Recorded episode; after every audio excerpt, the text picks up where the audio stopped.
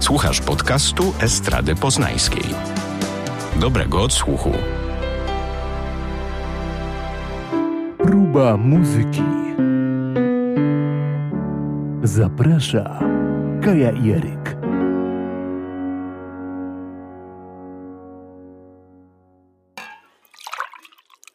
Ładny dźwięk. Herbatka nalana, gardło przepłukane. Możemy znowu pogadać o muzyce. Cześć, Eryk. Cześć. Tak jakbyśmy się y, nie widzieli i nie słyszeli już dawno. Ha, ha, ha. I tak jakbyśmy nie byli w jednym pomieszczeniu. Dokładnie. E, dzisiaj chciałabym, żebyśmy pogadali o tych, którzy odeszli całkiem niedawno, ale spokojnie, nie wszyscy z powodu szalejącego wirusa. E, niektórzy odeszli po prostu dlatego, że zmagali się z długotrwającą jakąś chorobą. E, niekoniecznie byli zarażeni e, tym wirusem, który obecnie. Ale chcesz tak na smutno? Nie, nie na smutno. Myślałam o tym, żeby po prostu ich wspomnieć, żeby, bo, bo im się należy, bo wielcy byli. I może warto posłuchać po prostu, przypomnieć sobie kilka naprawdę ciekawych muzycznych ścieżek. Dokładnie. No, jednym z największych, którzy odeszli, to jest Bill Whiters i on odszedł dokładnie 30 marca y, i tak jak powiedziałam, nie wszyscy z powodu COVID. On y, zmarł z powodu powikłań kardiologicznych związanych z chorobą serca. Y, I tak powiem Ci szczerze, że wszędzie gdzieś tam, gdzie próbowałam odnaleźć jakieś wiadomości na temat jego twórczości, nie tylko na temat jego śmierci, ale na temat jego twórczości przede wszystkim, to wszędzie było Ain't No Sunshine. I jeszcze kilka? Właśnie nie, wszędzie, że zmarł autor hitu Ain't No Sunshine. Tak jakby Bill Whiters tylko ten, ten hit napisał. A co ciekawe, gość, e, nie wiem czy wiesz, gość bardzo krótką ścieżkę muzyczną e, prowadził. Jego kariera trwała bodajże 15 lat? To jak na ścieżkę muzyczną niedługi czas, a przez ten czas e, udało mu się e, nie tylko Ain't No Sunshine popełnić, ale kilka wpadających w ucho i podnóżkę albo e, w zadumę również numerów. Co ciekawe, straszliwie normalny człowiek. Człowiek, który dość późno wszedł w ten biznes e, muzyczny. Po 15 latach na skutek e, parcia, jak to zwykle bywa, wytwórni, żeby było bardziej pod ludzi, żeby sprzedawało się muza w większych nakładach, żeby tak pisał piosenki, wkurzył się i bez e, żalu zostawił to, argumentując, że przed, przed działaniami w branży muzycznej robił inne rzeczy i po tym e, spokojnie może zająć się czym innym. Jest tyle ciekawych rzeczy, rzeczy i zawodów do wykonania, że totalnie bez sentymentu. A co ciekawe, jak zaczynał swą ścieżkę muzyczną, robił w przemyśle toaletowym. No proszę. E, a i tak i tak wpisali go do Rock and Roll Hall of Fame, chociaż dopiero w 2015 roku. Co moim zdaniem jest skandalem po prostu, bo on zaczynał w 71 roku, bodajże miał ten swój debiut. To była płyta, zaraz nie muszę spojrzeć na, w notatki, Just As I Am. Wszyscy, którzy słyszą Ain't No Sunshine, to wiedzą, co to jest za numer, znaczy w sensie wiedzą, no znają go, a nie wiedzą, kto go napisał. Tym bardziej, że ten numer akurat był wykonany w polskiej wersji i dlatego właśnie tak troszeczkę z dystansem do niego podchodzę, bo, bo no jakby nie było, żyjemy w Polsce i kojarzy mi się y, z, ze snem o Dolinie. No i jak najbardziej jesteśmy za tym, żeby wspierać polskich artystów szeroko pojętych. Tym niemniej ten numer w wykonaniu polskim, w tych naszych polskich realiach. No nie, nie, nie. Czar uleciał. To jest nasz, nasze subiektywne zdanie. No, to, jest, to był też e, w Polsce, to był wielki, ogromny hit. E, Budka Suflera, bo tutaj oczywiście o niej mowa, e, na tym hicie też wypłynęła bardzo, bardzo mocno, no bo, bo, bo, no bo hitem wielkim to było. A to nie ich numer, tylko z ich tekstem numer oczywiście Bill Whitersa. Ale nie tylko Ain't No Sunshine, bo przecież Bill Whiters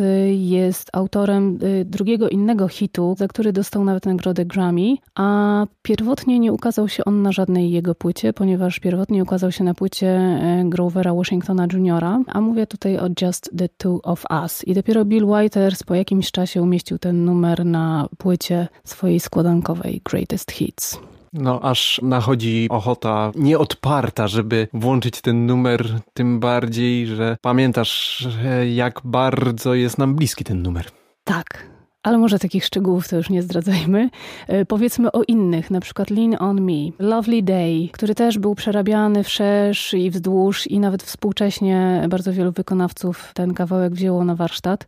Use Me na przykład też. To są takie naprawdę największe hity e, Billa Whitersa i szkoda, że właśnie wszyscy tylko e, przy, przy okazji jego śmierci piszą wszędzie, że autor Ain't No Sunshine odszedł. Dokładnie, a świetny kompozytor ponad wszystko, czego wspomniana przez ciebie Rock and Roll Hall of Fame jest egzemplifikacją, podczas której tam mocno udzielał się nasz inny, ulubiony artysta, Mówisz podczas koncertu, tak? tak e, Który tak. był y, powiązany z przyznaniem tej e, gwiazdy. Tak, Stevie Wonder tam był. A w ogóle widziałeś... Y, Absolutna rewelacja. Widziałeś ostatnio, co Stevie Wonder znowu zrobił? Znaczy znowu, no on, on właśnie się y, lubuje w takich fajnych akcjach pod tytułem a zrobię komuś niespodziankę. I tym razem... Psikus. W ogóle wiesz, wiesz, że są ludzie, którzy uważają, że Stevie Wonder wcale nie jest niewidomy? Ściemnia? Tak, jest mnóstwo filmów w ogóle, można sobie odnaleźć w sieci, które są filmami, które mają udowodnić, że Stevie Wonder widzi.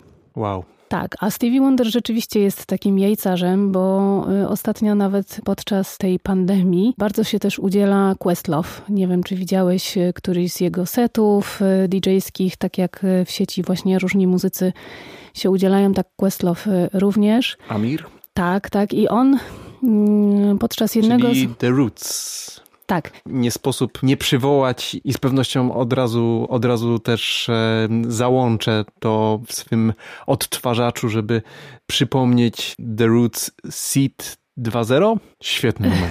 Tak, a The Roots też e, nagrało piosenkę z, z panią, o, którą, o której dzisiaj też będziemy mówili, więc nawiążemy do tego potem e, z Eryką Badu, ale to o niej później, na sam koniec, jako taki, taka wisienka na torcie, a tym... tym Tych wisienek może jeszcze znajdziemy więcej. Tak, a tymczasem może dokończę moją myśl, co zrobił Stevie Wonder. Podczas setu DJ-skiego live, który streamingował Questlove, zagrał pewną wersję kawałka Stevie'ego Wondera, w sensie na dekach odtwarzał ten numer, skreczując i tak dalej i w pewnym momencie ktoś mówi do niego, że ktoś do ciebie dzwoni, bo Questlove oczywiście robił to tak na zasadzie, że co tam chcecie usłyszeć, tak jak wszyscy artyści i w pewnym momencie ktoś tam z ekipy, y, która była z nim, mówi, że twój telefon dzwoni i w tym momencie zadzwonił do niego Stevie Wonder. Czad. I na żywo rozmawiał z nim, y, oczywiście pozwolił włączyć się na głośnik i na żywo rozmawiał z nim, tak jak ludzie to oglądali w sieci. To jest Stevie Wonder, nie? To, to po prostu trzeba nim być. Oczywiście Questlove był w niebo wzięty.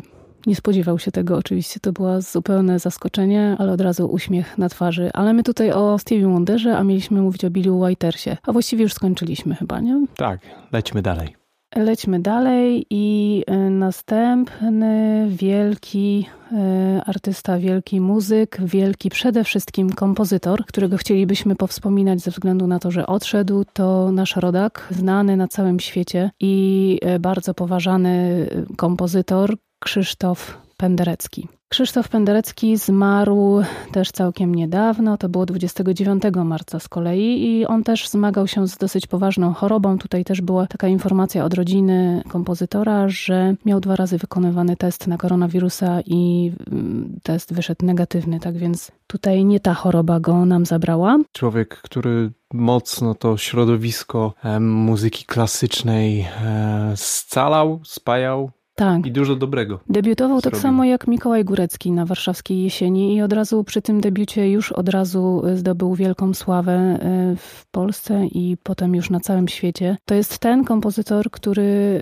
e, no właśnie po śmierci Mikołaja Góreckiego to był największy kompozytor polski, który żył. I to jest właśnie ten człowiek, którego muzyka była wykorzystywana w filmach takich nazwisk jak Martin Scorsese, Stanley Kubrick czy David Lynch i oczywiście Andrzej Wajda. To były były takie filmy jak Wyspa Tajemnic, Katyń, Lśnienie, Egzorcysta, Ludzkie Dzieci i Dzikość Serca. I powiem Ci szczerze, że ja kiedyś, kiedyś jeszcze jak byłam e, dużo młodsza i pierwszy raz oglądałam Lśnienie, ja sobie nie zdawałam sprawy z tego, że ta muzyka, która tam jest, to jest Krzysztof Penderecki. Tak Myślę, że gdybym wtedy to wiedziała, to, to jeszcze bardziej, y, to by mnie jakaś duma może rozpierała, że to nasz rodak, tak dobry film. No i też trzeba wspomnieć o mm, nagrodach, bodaj czterech nagrodach Grammy, które przemysł muzyczny przyznał właśnie Krzysztofowi Pendereckiemu. To całkiem, całkiem dobre osiągnięcie. Wracając do wspominanego chwilę wcześniej Billa Whitersa, on na swoim koncie miał trzy statuetki Grammy,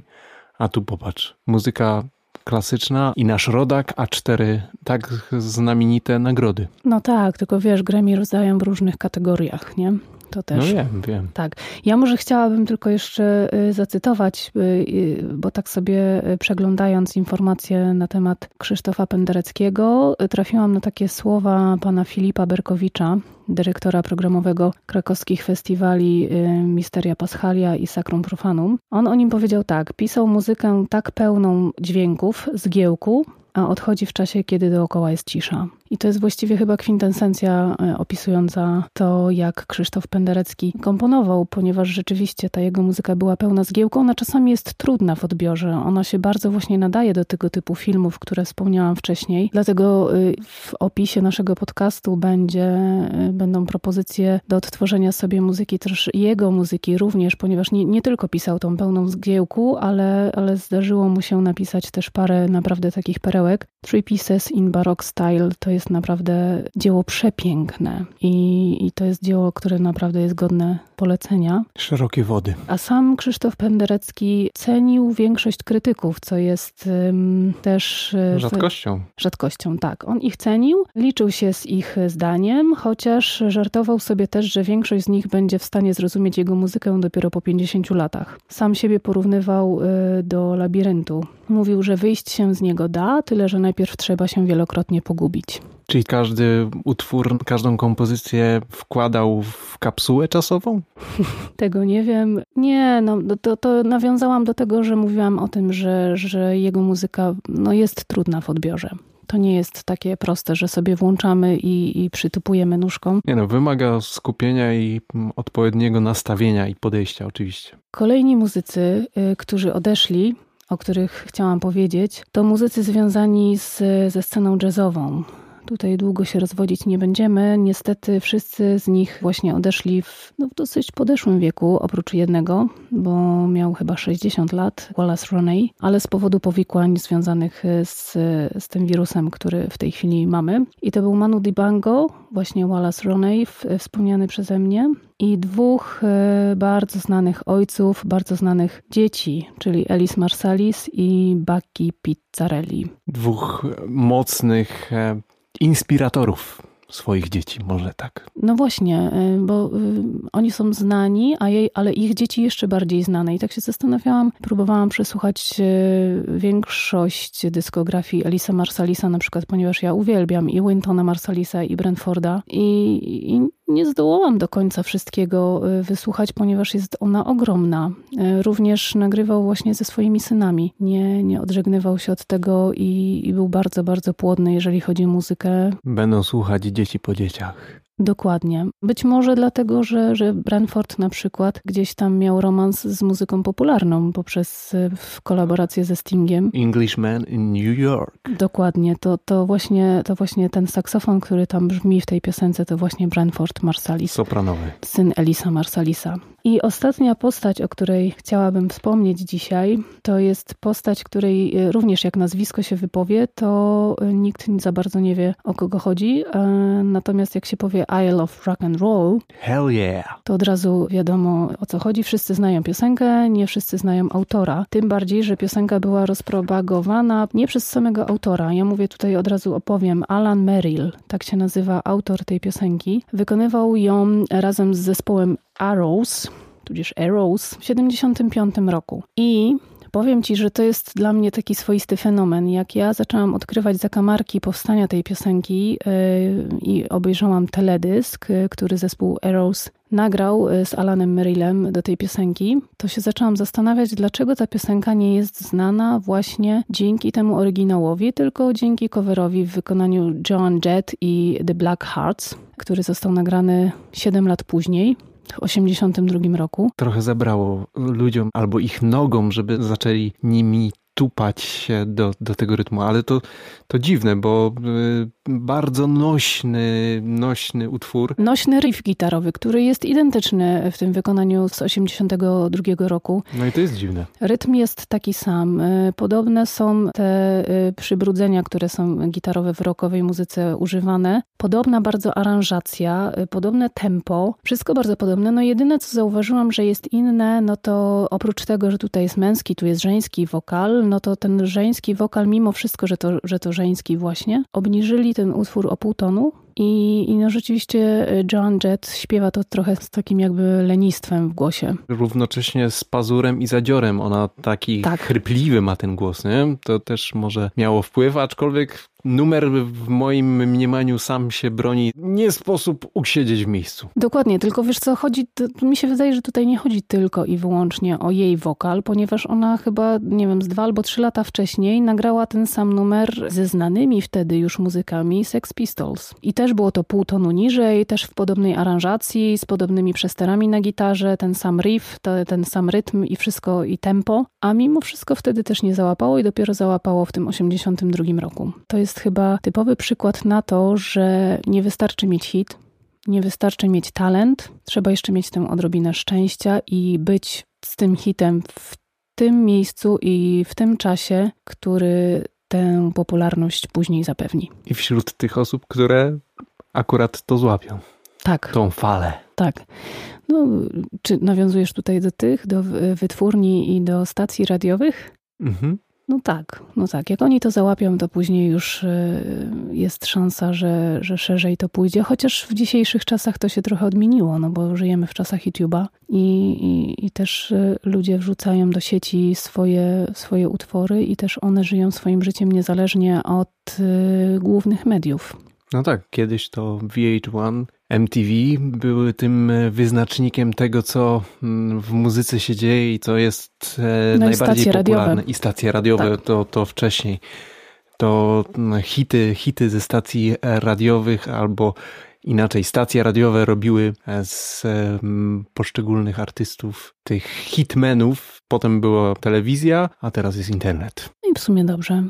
W tej chwili wydaje mi się, że dzięki temu e, większość ma szansę, chociaż też czasami trudno się przebić, nawet jak się nagra coś, co naprawdę mogłoby być hitem ale już są większe szanse. I właśnie do tego internetu, jak teraz tak doszliśmy, to e, chciałabym jeszcze w, powiedzieć o wspomnianej już przeze mnie artystce, czyli Eryce Badu. To jest dla mnie królowa neosoulu. Ja ją e, osobiście uwielbiam i, i kocham miłością bezgraniczną, odkąd tylko ją poznałam. No właśnie, powiedz, co się u niej dzieje i co wymyśliła, bo, bo coś wspominałaś ostatnio, że całkiem nieźle to wykombinowała. Tak, ja myślałam przez bardzo długi czas, że Eryka Badu się skończyła, bo po tym jak 10 lat temu wydała New America Part to, to właściwie od tamtej pory y, prowadzi tylko jakieś showy muzyczne typu y, Divas Night albo coś w tym stylu i y, udziela się u siebie na swoich profilach społecznościowych i wydaje ewentualnie jakieś mixtape'y, cały czas powielając swoją muzykę i swoje tematy, które gdzieś tam znamy z przeszłości. To, to już nie był ten nurt stricte neo-soulowego klasyka, którego ona jest jedną z podwalin tego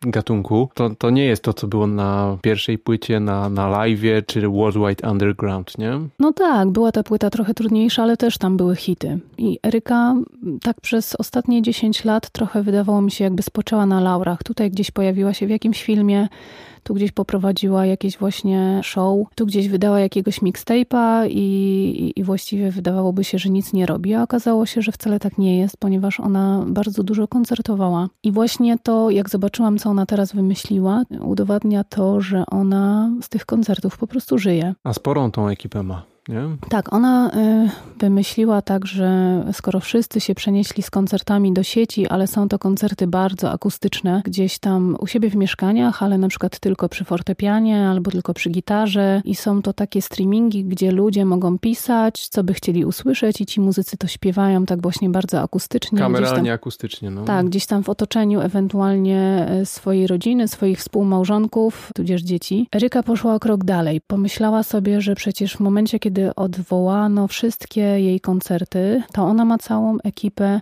ludzi do utrzymania, że tak powiem, bo są to nie tylko muzycy, są to e, wszyscy technicy, są to e, dźwiękowcy, którzy pracowali przy tym, żeby te jej koncerty brzmiały tak, jak brzmiały. I postanowiła zrobić koncert ze swojej sypialni, ale taki koncert, który zapewniałby jakość taką samą, jak ona potrafi zapewnić na żywo. I dzięki temu, że y, to zrobiła, mogła y, zapewnić po prostu byt y, tym ludziom, z którymi współpracuje na co dzień. Tak jak powiedziała w wywiadzie udzielonym jakiejś tam stacji telewizyjnej w Stanach Zjednoczonych, ona powiedziała, że ona i jej muzycy to nie są bogaci ludzie, że oni tylko udają bogatych w telewizji, że to jest e, średnia klasa pracująca i oni po prostu muszą coś robić, żeby po prostu wyżyć. I e, ja powiem szczerze, że ja tych koncertów nie widziałam, bo ostatecznie okazało się, że żeby go wysłuchać, to trzeba było zapłacić e, przy pierwszym koncercie dolara za, za możliwość odsłuchania tego i bycia live, e, a przy drugim e, już dwa dolary, ponieważ tak jak Eryka mówiła na początku, to był jej taki pomysł, który jest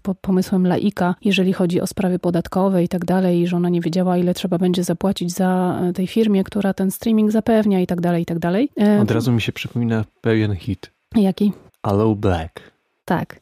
I need a dollar. I przy, za, za, drugim razem już ten koncert kosztował 2 dolary, tak żeby można było opłacić wszystkie podatki i, i, ten streaming i żeby jednak jeszcze coś dla tych muzyków zostało, ponieważ tam nie tylko w jej sypialni pojawiłaś, pojawił się cały zespół łącznie z trzyosobowym chórkiem, wszystkimi perkusjanoliami, całe instrumentarium i tak dalej i ona siedząca na tym swoim łóżku, ale tam w jej domu po prostu przez jej dom przewinęło się mnóstwo ludzi, tam tir pod jej domem stał po prostu ze sprzętem tak żeby zapewnić e, dobrą jakość tego wszystkiego. Ona sama. E, Generalnie to poważna produkcja z tego wyszła, co?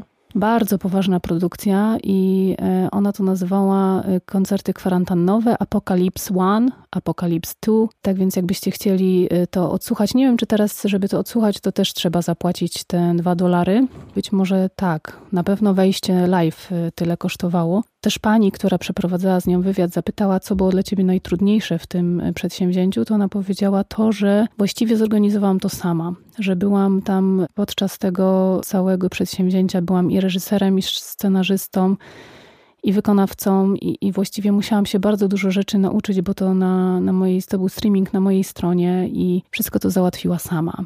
Tak więc wielki, wielki szacun y, dla niej. Czapki z głów za taką akcję. Znaczy zorganizowała sama oczywiście, firma przyjechała i cały sprzęt to nie tak, że Ryka latała ze wszystkimi kablami i wszystko rozkładała. No jak? Chociaż znając ją pewnie by potrafiła. Ale, ale rzeczywiście no, mega, mega, mega przedsięwzięcie, które chyba u nas w Polsce by jednak nie wyszło, ponieważ y, przez jej dom przewinęło się bardzo dużo ludzi. Ja nie wiem, jakie są w tej chwili ograniczenia w Stanach, czy one jej pozwalają na, na realizowanie tego typu przedsięwzięć. No u nas w Polsce w tej chwili z tymi obostrzeniami na pewno by to nie przeszło. Tak, u nas maksymalnie dwie osoby i przecież niedawno, niedawno, w miarę niedawno był, e, ponad tydzień temu był koncert e, Bass Astral X Ego naszych Tak, to już dwa tygodnie temu temu. Dwa tygodnie temu.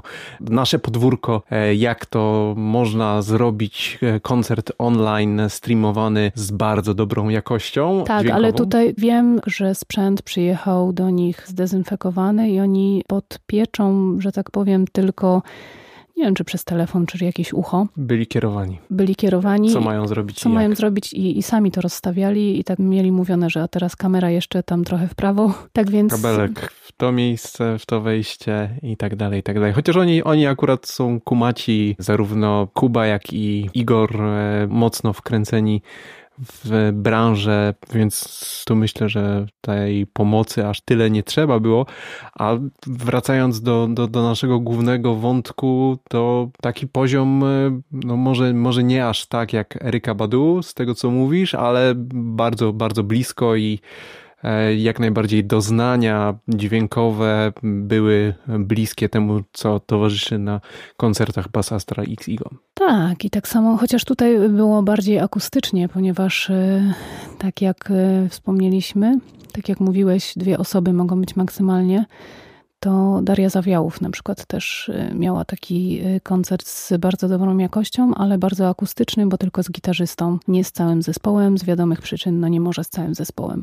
Ale powiem Ci szczerze, że trochę się martwię o naszą branżę w ogóle koncertową, nie tylko artystów, ale wszyscy mówią o artystach, a, a też, że tak powiem, bardzo dotyka branżę nagłośnieniową oświetleniową, no, sceniczną. Multimedia. Cała techniczna strona wydarzeń, która sprawia, że te wydarzenia tak dogłębnie poruszają odbiorców, jak i no, brzmią tak, jak artyści chcieliby brzmieć. Dokładnie. I ta cała branża, ona nie jest potrzebna zupełnie przy takich koncertach yy, typu siedzi muzyk przy pianinie i śpiewa i, i robi to przy pomocy telefonu komórkowego. No to to nie no jest tak. potrzebne, ale to umówmy się, to po prostu nie jest ta jakość. To nie jest to do doznanie bliskie temu koncertowemu. Tak. Y, I w tym momencie no chciałabym tylko zwrócić uwagę na to, że to, że my odbieramy muzykę w taki, a nie inny sposób, to jest nie tylko zasługa muzyków, ale właśnie też zasługa ekipy technicznej. I jestem ciekawa, czy ludzie by zapłacili u nas złotówkę albo dwa złote za wejście na taki streaming. Ponieważ Żeby wiem, że. wspierać artystę, tak. jak, i, jak i ekipę techniczną. Tak, tak. Ciekawe. Ja myślę, że warto ciekawe. Też myślę, że warto, może, może, może by warto pomyśleć o czymś takim, chociażby w tych dwuosobowych składach, które są, jak widać y, na tym, co się dzieje, są możliwe. I jest to możliwe nawet przy tych obostrzeniach, żeby to wykonać w bardzo dobrej jakości. A jeszcze tak wracając do Eryki Badu, ja tylko bym chciała tym wszystkim, którzy tego nie widzieli, opowiedzieć, jak wygląda jej sypialnia. U nas w sypialni pomaga nam Gerwazy i Klementyna, tak żeby było nas słychać lepiej. Przedstawiciele świata zwierzęcego pod e, maską małpy i żyrafy. Tak, mamy ogromną, gigantyczną małpę tutaj i mamy gigantyczną żyrafę i one y, pomagają nam, żeby... Absorbować dźwięk pomieszczenia, poprawiać tak. akustykę. Tak. Natomiast u Eryki e, to jest tak, że tam wszystko jej pomaga absorbować dźwięk. Ona, e, ta sypialnia jest taka jak ona, czyli tam jest bardzo, bardzo dużo tak zwanych etnicznych pierdółek, tak zwanych kurzołapów, inaczej mówiąc, ale one są urocze. W jej wykonaniu po prostu wszędzie wisi e, mnóstwo jakichś takich rzeczy, które ocieplają to pomieszczenie i powodują też, że akustyka jest taka, że można takie rzeczy robić prawie jak w studiu. I Eryka siedząc na tym łóżku, y, jedyne co się tam y, tak bardzo wyróżnia, bo jest trochę inne niż cała ta jej sypialnia, to jest y, czarno-białe zdjęcie dosyć sporych rozmiarów Yoko Ono. Więc jest Yoko Ono, jest Eryka, jest cały jej zespół w maseczkach, oczywiście pięknych, kolorowych maseczkach. To nie są takie zwykłe chirurgiczne, bo przecież wyglądać też trzeba na takim koncercie. No i, i to wszystko, plus ten sprzęt cały zwieziony do jej sypialni, tam podejrzewam, że żeby przejść, to trzeba by było chodzić jak bocian. Czyli królowa Neosoulu w swym pałacu tak. majestatycznym. Tak, sama się śmiała, że ona po prostu wstaje, ma od razu mikrofon przy łóżku i, i od razu może śpiewać. Tak, kojarzę, że ona kiedyś też już wcześniej mówiła o tym, że jak czasami jej coś w nocy przyjdzie do głowy, to od razu może swój pomysł uwiecznić. A ja jeszcze tak jak sobie myślę o, o tym stanie, w którym jesteśmy, to w mojej głowie od razu pojawiają się dźwięki pewnego bardzo dynamicznego artysty. Virtual Insanity Jamiroquai. Nie wiem dlaczego, ale chodzi mi to cały czas po głowie. A w ogóle ciekawe co u nich. To jest w ogóle temat na następną dyskusję i myślę, że na tym zakończymy. Z całą pewnością tak, ale do dyskografii i do utworów JK'a warto w tym momencie zajrzeć, aby troszeczkę wyrwać się z tego letargu. To na pewno, a my już teraz kończymy i się żegnamy. Do usłyszenia następnym razem. Kaja i Eryk. Pa. Producentem podcastu jest Estrada Poznańska. Więcej na estrada.poznan.pl Próba muzyki. Zaprasza Kaja i Eryk.